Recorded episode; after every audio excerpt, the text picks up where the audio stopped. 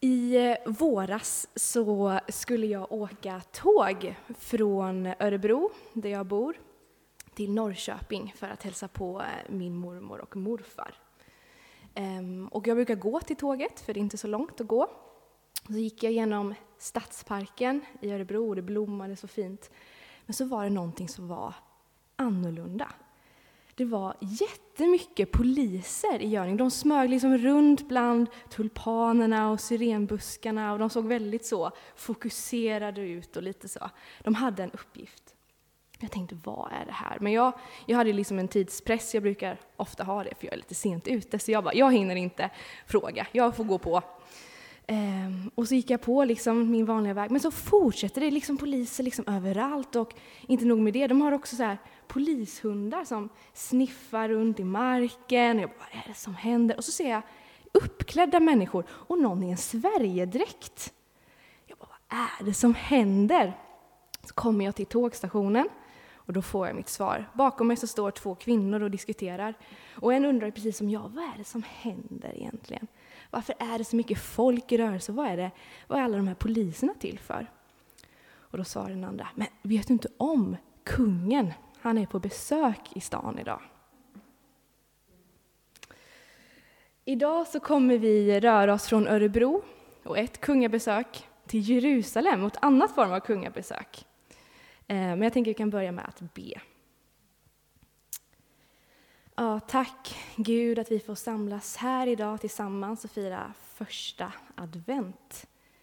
Ehm, kom och möt oss. Vi ber om det. I Jesu namn. Amen. Jag tror att många av er känner mig, men för er som inte har träffat mig förut så heter jag Sara Morat och jag är ehm, jag bor inte här just nu, men jag har bott här. Jag är uppvuxen här i Backa och är, eh, har varit med i den här församlingen. Jättekul att få komma hit och predika idag. Jag tror det är min tredje gång. Så tacksam för förtroendet. Och att få predika på första advent. Det är ju liksom höjdpunkten i kyrkoåret nästan. Eh, eller en av höjdpunkterna i alla fall. Eh, och det är som sagt inte vilken söndag som helst idag. Det sa ju Bengt, det är ju första advent och det är um, nyår. Liksom det är, liksom, idag inleder vi ett nytt år, ett nytt kyrkoår. Och advent betyder ankomst. Ehm, och idag och tre söndagar framöver så kommer vi fokusera på ankomst, på Guds ankomst. Att Gud genom Jesus har liksom anlänt till världen, han har kommit. Ehm, och ni som har biblar med er, och ibland kanske ligger bibel i bänken, om ni vill följa med så kan ni slå upp Matteus evangeliet kapitel 21 och vers 1 och framåt så ska vi läsa dagens bibeltext. Och där står det så här. När de närmade sig Jerusalem och kom till Betfage vid Oljeberget sände Jesus iväg två lärjungar och sa till dem Gå till byn som ligger framför er. Där ska ni genast finna en åsna som står bunden med ett föl bredvid sig. Lös dem och led dem till mig. Och om någon säger något till er ska ni svara, Herren behöver dem. Han kommer då omedelbart att skicka iväg dem. Detta hände för att det skulle uppfyllas som var sagt genom profeten. Säg till Sions dotter, se, din konung kommer till dig, ödmjuk, ridande på en åsna, på ett åsneföl. En arbetsåsnas föl. Lärjungarna gav sig iväg och gjorde som Jesus hade befallt dem. De förde åsnan och fölet till honom och lade sina mantlar på dem, och han satt upp. Folkskaran, som var mycket stor, bredde ut sina mantlar på vägen. Andra skar kvistar från träden och strödde på vägen. Och folket, både de som gick före honom och de som följde efter, ropade Hosianna, Davids son. Välsignad är han som kommer i Herrens namn. Hosianna i höjden. Det här eh, utspelar sig ungefär en vecka innan eh, påsken. Jesus har i ungefär tre års tid haft liksom sin verksamhet. Han har vandrat runt omkring i Israel och i omkringliggande städer och byar. Och han har undervisat, det står att han har botat sjuka, han har liksom berört människor på olika sätt. Och han har under den här tiden fått ett lite stort entourage, eh, väldigt stor grupp människor som följer honom vart han än går. Och i den här gruppen, i den innersta kärnan i den här gruppen, så finns det tolv lärjungar. Och eh, alla de här människorna, de har på olika sätt blivit berörda av Jesus. Och de beskriver honom som Herre, som mästare, rabbi, det är liksom ett judiskt ord för liksom mästare och lärare. Men vissa går ännu längre och säger att Jesus är Messias. Messias det är ett begrepp som jag, jag vet inte, det är inget som jag använder till vardags. Ehm, men det är hämtat ifrån eh, Gamla Testamentet eh, och betyder den smorde. Och det är liksom kopplat på den här tiden, på, på, den, på den tiden så smörjde man liksom människor när de skulle in i en viktig uppgift. Det var som en form av välsignelse. Och Messias det kopplas speciellt, eh, på ett speciellt sätt till kungen, den israeliska kungen. Och eh, är liksom en form av kunglig titel. Och eh, på Jesu tid så användes Messias, det begreppet, av judar som benämning för en, en person som ska komma, en framtida person. Som ska vara sänd av Gud, som ska upprätta Israels självständighet och rättfärdighet. Och allt som händer när Jesus eh, rider in i Jerusalem, hur konstigt vi än kan tycka det är, så anspelar det på den här eh, Messias förväntan, på hoppet om en räddare, på en kung som ska komma. Och det här är enda gången i Bibeln som det faktiskt står att Jesus rider på något djur. Um, varför väljer han en åsna då, kan man ju tänka. Och jag tror inte att det är för att Jesus var trött, att han behövde eh, rida. Han hade ju gått, det står att han vandrat flera mil innan och alla som går med honom, de har vandrat flera, flera mil. Och det är bara en kort, kort, kort bit. Jag tror det bara var några, någon kilometer kvar till Jerusalem. Så det handlar nog inte om att Jesus var trött egentligen, att han inte klarade av att gå sista biten. Nej, det verkar snarare vara en medveten handling, en profetisk handling från Jesus sida, för att visa att han faktiskt är den här messianska kungen. Och Matteus, i texten som vi läser, han uppmärksammar detta. Han skriver Detta hände, att Jesus sätter sig på en åsna och rider in, för att det skulle uppfyllas som var sagt genom profeten Säg till Sions dotter, se din konung kommer till dig, ödmjuk, ridande på en åsna, på ett åsneföl, en arbetåsnas föl. Och den här texten är hämtad eh, från en eh, profet, Sakarja, i Gamla testamentet. Och om ni vill så kan ni slå upp Sakarja kapitel 9 och vers 9 eh, och 10. Det står, och där står det så här. Fröjda dig stort, dotter Sion. Jubla, dotter Jerusalem. Se, din konung kommer till dig. Rättfärdig och segerrik är han. Han kommer ödmjuk, ridande på en åsna, på en åsninnas föl. Jag ska ta bort vagnar ur Efraim och hästar ur Jerusalem. Stridens bågar ska bort, och han ska tala frid till hedna folken. Hans välde ska nå från hav till hav och från floden till jordens ändar. När Jesus valde att uppfylla den här profetian så gjorde han för första gången så offentligt eh, liksom claim, ett anspråk på att vara den här Messias, kungen. Den som alla hade väntat på. Och det verkar som att folkmassorna som var runt Jesus, de erkänner också honom som den här kungen. Ehm, de står hur de tog av sig sina mantlar och det är liksom ett tecken på respekt och hur de skär av kvistar från träden. De var uppenbarligen inte scouter, för det vet man ju, är man scout får man inte skära av grenar från levande träd. Ehm, de kanske skulle gått scouter här, så hade de lärt sig. Men i alla fall, de skar av, skar av liksom grenar från träden och la allt det här på marken. Och det var som att de gjorde en röda mattan åt Jesus ehm, när han red in. Precis som vi liksom lägger ut en röd matta när någon viktig person kommer, ville de lägga ut deras form av röd matta. De ville visa Jesus sin respekt och sin vördnad, för de såg att han var kungen. Är Jesus den som du väntat på? Men samtidigt så är inte Jesus den Messias, den räddare som folket hade tänkt skulle komma. I Sakarja, den här texten som vi läste alldeles nyss, så finns det liksom en spänning i beskrivningen av den här kungen. Kungen är, han är segrande, men han är också ödmjuk. Och hans triumf den tas emot snarare än att han liksom tas. Och han rider på en åsna istället för en häst, vilket man ju gjorde. Eh, kungar på den här tiden red ju på hästar, för det är ju majestätiska. Jag har ridit, och det är liksom en väldig skillnad att sitta på en häst jämfört med en åsna. Det är en annan form av respekt. Och det står att hans kungadöme kommer vara ett fredens rike, snarare än taget med våld. Och det var ju så att många av, dem, av det judiska folket tänkte att Messias, deras räddare, skulle befria dem från ockupationen. De var ju, eh, Israel på den här tiden var ockuperat av romarriket.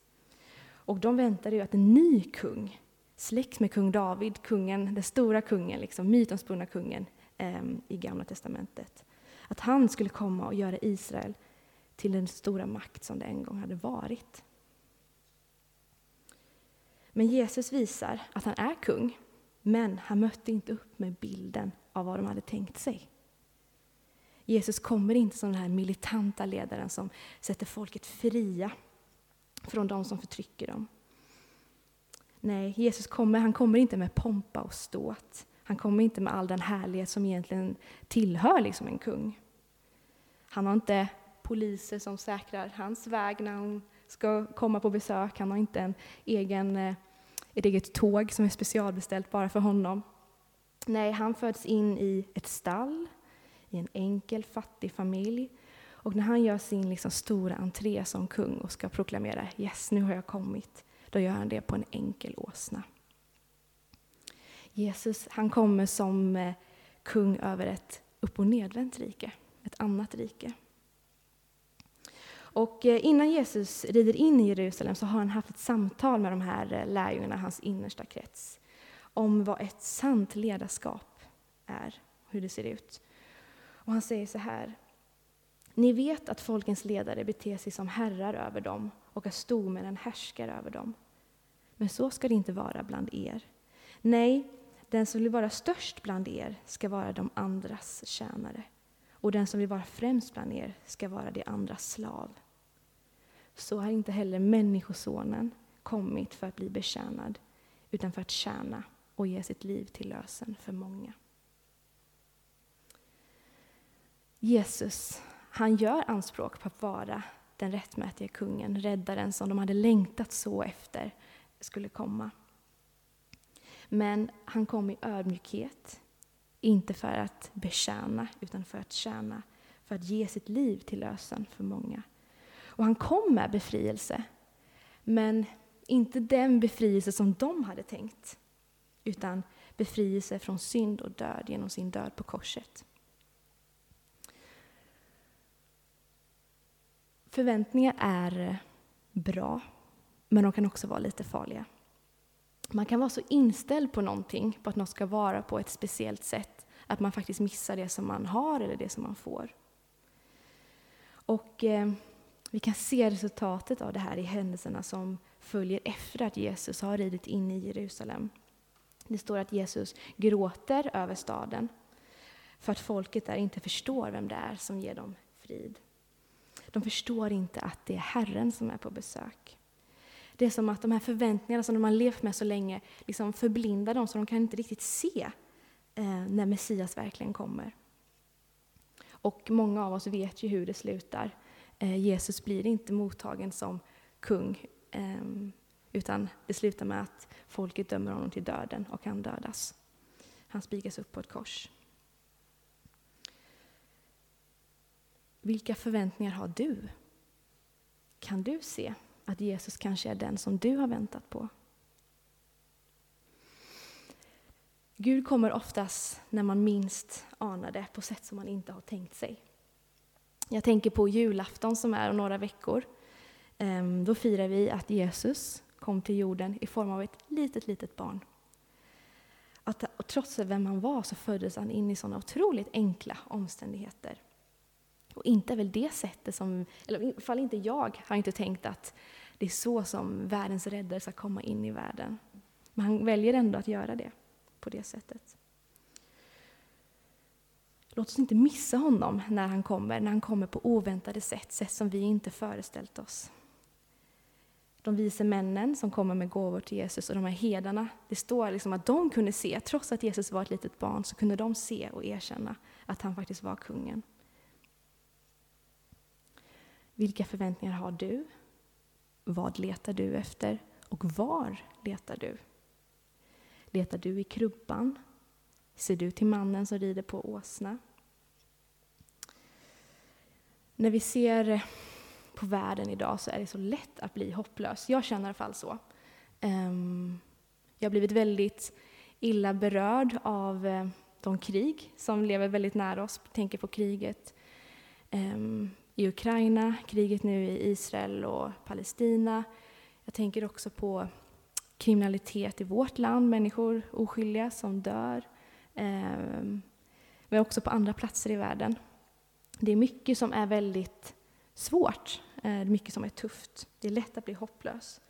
Och eh, vi är inte ockuperade så som Israel var. Men jag tänker, är det andra saker som binder oss? Andra saker som vi längtar efter att bli befriade från? Jag tänker att eh, det är inte bara krig, det är liksom pandemier, det är inflation, det är psykisk ohälsa. Det finns mycket, mycket som är svårt, mycket som är en utmaning. Och precis som judarna så väntar vi på vår räddare.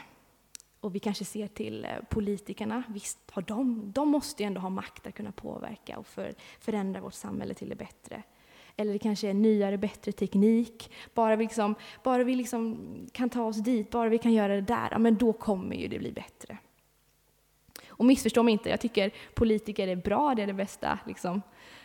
Vi har ingenting bättre och teknik är jättebra. Um, och så.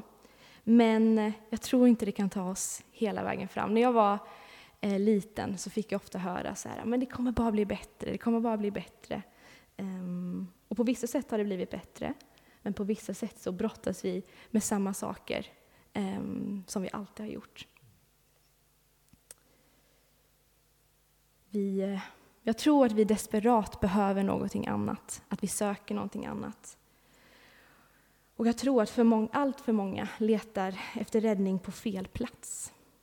Att förväntningarna på hur det ska vara liksom gör att de inte, man inte kan se klart. Man kan inte riktigt se var räddningen kommer ifrån. Och jag känner väldigt många människor eh, som har letat på många platser efter räddning, men som inte hittat den där. Men eh, när de mötte Jesus så fick de möte med en verklig räddare. Och eh, jag är en av dem. Ehm, det fanns en tid när jag inte levde nära Gud eller riktigt trodde. Och när jag försökte stilla ehm, min oro och det jag levde med, med shopping, med vänner, med grubblerier, med andra saker. Liksom. Um, men det var i ett möte med Jesus som jag verkligen fick erfara, oj, sann frid, sann befrielse. Och jag vet så många människor, jag kan verkligen berätta om så många människor som jag känner, som eh, genom Jesus har fått se, de har fått blivit friska, eh, de har fått se svåra konflikter lösas, de har fått se möjligheter, liksom, där det varit helt omöjliga situationer har det liksom öppnats en väg. Jesus har verkligen varit Messias, räddare. Och är Jesus kanske den som du väntar på? Jag hann aldrig se kung Carl Gustaf när han kom till Örebro. Och det tyckte jag var lite tråkigt, för jag är en liten smygrojalist ändå. Det hade ju varit trevligt att åtminstone få se honom. Jag hann bara se alla journalister som stod så här och väntade på att hans tåg skulle åka in på perrongen. Men hur hade vi reagerat om han kom in till oss idag? Om han satt sig vid bänken bredvid dig? Hade du tänkt oj vilken ära, vad spännande, eller hade du inte brytt dig? Eller hade du tänkt kanske nu ändå ska säga någonting till honom för att hur ofta är det man egentligen får chans att prata med kungen? Och jag tror att vi också har en kung på besök hos oss idag. Kungars kung, Jesus. Att han har kommit. Det är det som vi firar idag, advent. Det är inte som jag ibland har trott att det är en väntan. Ja, vi väntar, vi väntar, vi väntar. Nej, det betyder ankomst. Idag så firar vi att han har kommit. Att han är räddaren som vi har väntat på. Och han eh, är en ödmjuk kung. Han är inte som eh, människor i makt som vi kan se idag. Han regerar på ett annat sätt. Han är liksom herre för ett upp och nedvänt rike. Där de minsta ska bli de största. Han ser till de svaga. Han ser till den som ingen annan ser. Och hans segertåg, hans triumf för världen och för våra liv, det kanske inte ser ut på det sätt som vi hade tänkt oss. Han kom in som ett barn i världen. Han red in som kung på en åsna. Men han befriar oss från det som verkligen binder oss. Från det som vi brottas med på riktigt. Genom att dö för oss på korset. Jag tror det verkligen.